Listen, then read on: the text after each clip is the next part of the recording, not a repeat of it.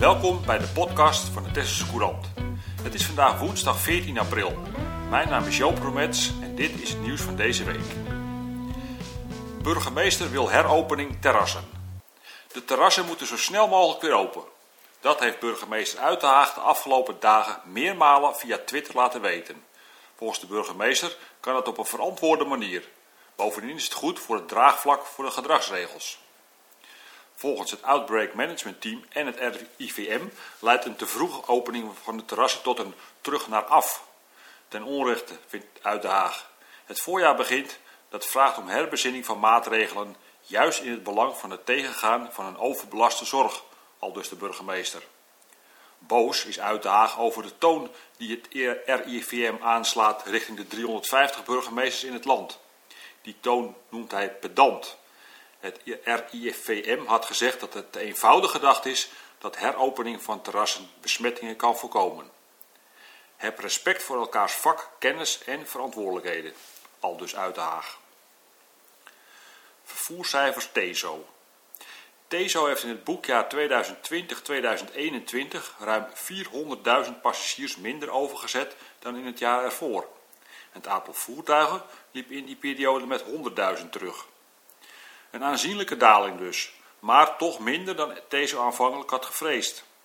Na het uitbreken van de coronacrisis zette de veerdienst in april 2020 maar liefst 70% minder passagiers over. Drukke zomermaanden maakten nog veel goed. In juli, augustus en september werden diverse vervoersrecords verbeterd. Het boekjaar bij TESO loopt van 1 april tot en met 31 maart. Hoogheemraadschap waarschuwt shovelchauffeur. Shovelchauffeur Marcel Bakker is door Hoogheemraadschap Hollands Noorderkwartier op de vingers getikt. Dit omdat hij tijdens de storm van anderhalve week geleden zand uit de duinvoet heeft gebruikt om de kiosk van paal 9 te beschermen. Volgens het Hoogheemraadschap was dat een overtreding en neemt door het verplaatsen van zand het waterkerend vermogen van het duin af. Nodig was het ook niet. Van een alarmerende situatie was geen sprake, al dus het Hoogheemraadschap. Het waarschuwt de kwestie dit keer door de vingers te zien, waarbij de herhaling handhavend zullen optreden. Te gek voor woorden, reageert Bakker. Ik werk al vanaf 1978 op het strand en probeer mijn werk zo goed en netjes mogelijk te doen. Hij deed dat werk in dit geval in opdracht van René Jager van strandpaviljoen Paal 9. Bestemmingsplan Den Horen.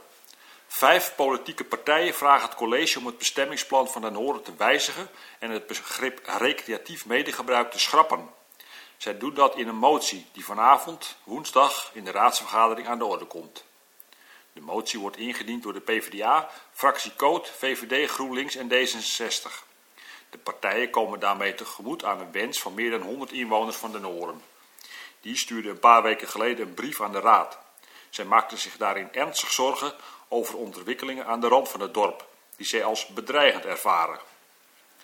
De agrarische belangenvereniging Ons Belang wil juist dat de raad het recreatief medegebruik niet schrapt. Voorzitter Arie Lap wijst erop dat de gemeente inmiddels vergunning heeft afgegeven voor boerengolf en rondleidingen. Ook worden aan de rand van het dorp jaarlijks evenementen gehouden, zoals de Dag van het Schaap, de Landbouwdag en de Horende Donderdagen. Allemaal recreatief medegebruik, al dus ons belang dat 75 leden telt. Fietspad Zandijk.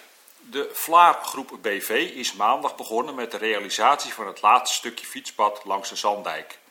Het gaat om het traject tussen vakantiepark Slufterduin en de Muiweg. Dit nieuwe gedeelte komt op de plek waar voorheen auto's reden. Het traject krijgt bruin asfalt, maar is met een beetje goede wil ook zandkleurig te noemen en op de Zanddijk dus volledig op zijn plek. Volkssterrenwacht de Jager. Al sinds de oprichting in 1993 heet het observatorium bij Ecomare Volkssterrenwacht de Jager. Tot dusver was dat nergens zichtbaar, maar nu prijkt de naam bij de ingang.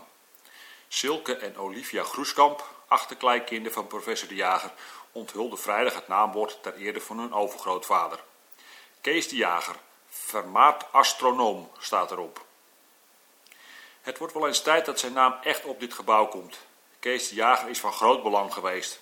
Bijna elk jaar hield hij hier wel één of twee lezingen. Hij weet dat zo goed te brengen, zelfs van de meest ingewikkelde onderwerpen weet hij wat leuks te maken, vertelde Kees Vet, voorzitter van de Volkssterrenwacht.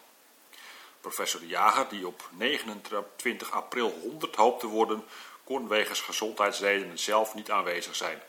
Maar zijn familie was ruim vertegenwoordigd.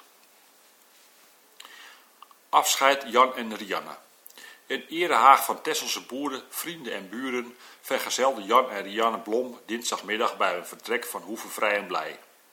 Samen met hun zoontjes Melle en Siem namen ze de boot van drie uur, het begin van een nieuwe avontuur. De Blommen emigreren naar Denemarken, waar ze een melkveebedrijf hebben overgenomen. Bij hun vertrek kregen ze een bord mee met de tekst Free och glad, Deens voor vrij en blij, in de hoop dat ze zich snel thuis zullen voelen in Denemarken. Veel Tesselaars kwamen afgelopen weekend al voor de laatste keer op Vrij en Blij om een ijsje te eten. Van landbouworganisatie LTO Tessel kregen Jan en Rianne een goudrenet. Het jonge boompje zal net als zij moeten wennen aan de nieuwe omgeving. Maar met de juiste aandacht en zorg kan de oogst mooi zijn, was de symbolische boodschap. Nieuw tekort de tunen. De gemeente heeft door een onjuiste berekening een extra tekort van 47.700 euro opgelopen bij de grondexploitatie van buurtschap De Tunen. Dat blijkt uit een brief van burgemeester en wethouders aan de gemeenteraad. Het financiële nadeel kwam aan het licht bij een interne financiële controle. Volgens het college waren de opbrengst van een aantal kavels in de tunen inclusief BTW ingeboekt, terwijl ze dat inclusief BTW had moeten gebeuren. Het is de derde keer dat een tekort opduikt bij de tunen. Eind 2019 was er sprake van een gat van 564.000 euro. Eind 2020 kwam er een tekort van 170.000 bij. De gemeenteraad stelde in 2018 een krediet van 2,5 miljoen beschikbaar voor dit woningbouwproject. Zorgen over afname landbouwgrond. Op Texel verdwijnt op steeds grotere schaal landbouwgrond.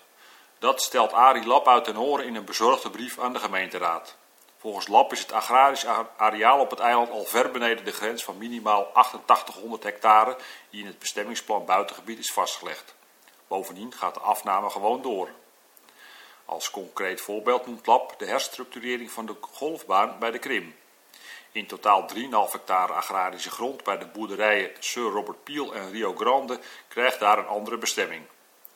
Het college zegt dat het areaal agrarische grond ook na dit project in de plus blijft. Maar volgens LAB lijkt het erop dat de gemaakte afspraken worden genegeerd. Hospice Tessel. Zo vanzelfsprekend als leven op Tessel voor hen is, zo vanzelfsprekend is voor veel Tesla's ook een wens om, als de tijd daar is, te sterven op het eiland. Als dat door omstandigheden thuis niet kan, biedt Hospice Tessel die mogelijkheid in de Tesselse Courant van dinsdag 13 april veel aandacht voor het hospice. Ruim vijf jaar na de opening is dat, mede dankzij de inzet van zo'n 70 vrijwilligers, uitgegroeid tot een begrip. Het hospice heeft plaats om twee mensen in hun laatste levensfase te ontvangen. Een van hen was vorig jaar Hans Strik, die er op 57-jarige leeftijd overleed. Samen met zijn partner en andere familieleden blikt de redactie terug op een intensieve periode waarin Hans blij was in het hospice helemaal zichzelf te kunnen zijn en hij ook gewoon zijn jointje mocht roken. De Tesselse Courant verschijnt twee keer per week en staat steeds boordevol nieuws, reportages en achtergronden. Neem ook een abonnement op de lokale krant van Tessel. Kijk op www.tesselsecourant.nl voor de mogelijkheden. Bellen kan natuurlijk ook tijdens kantooruren op nummer 0222 362 600.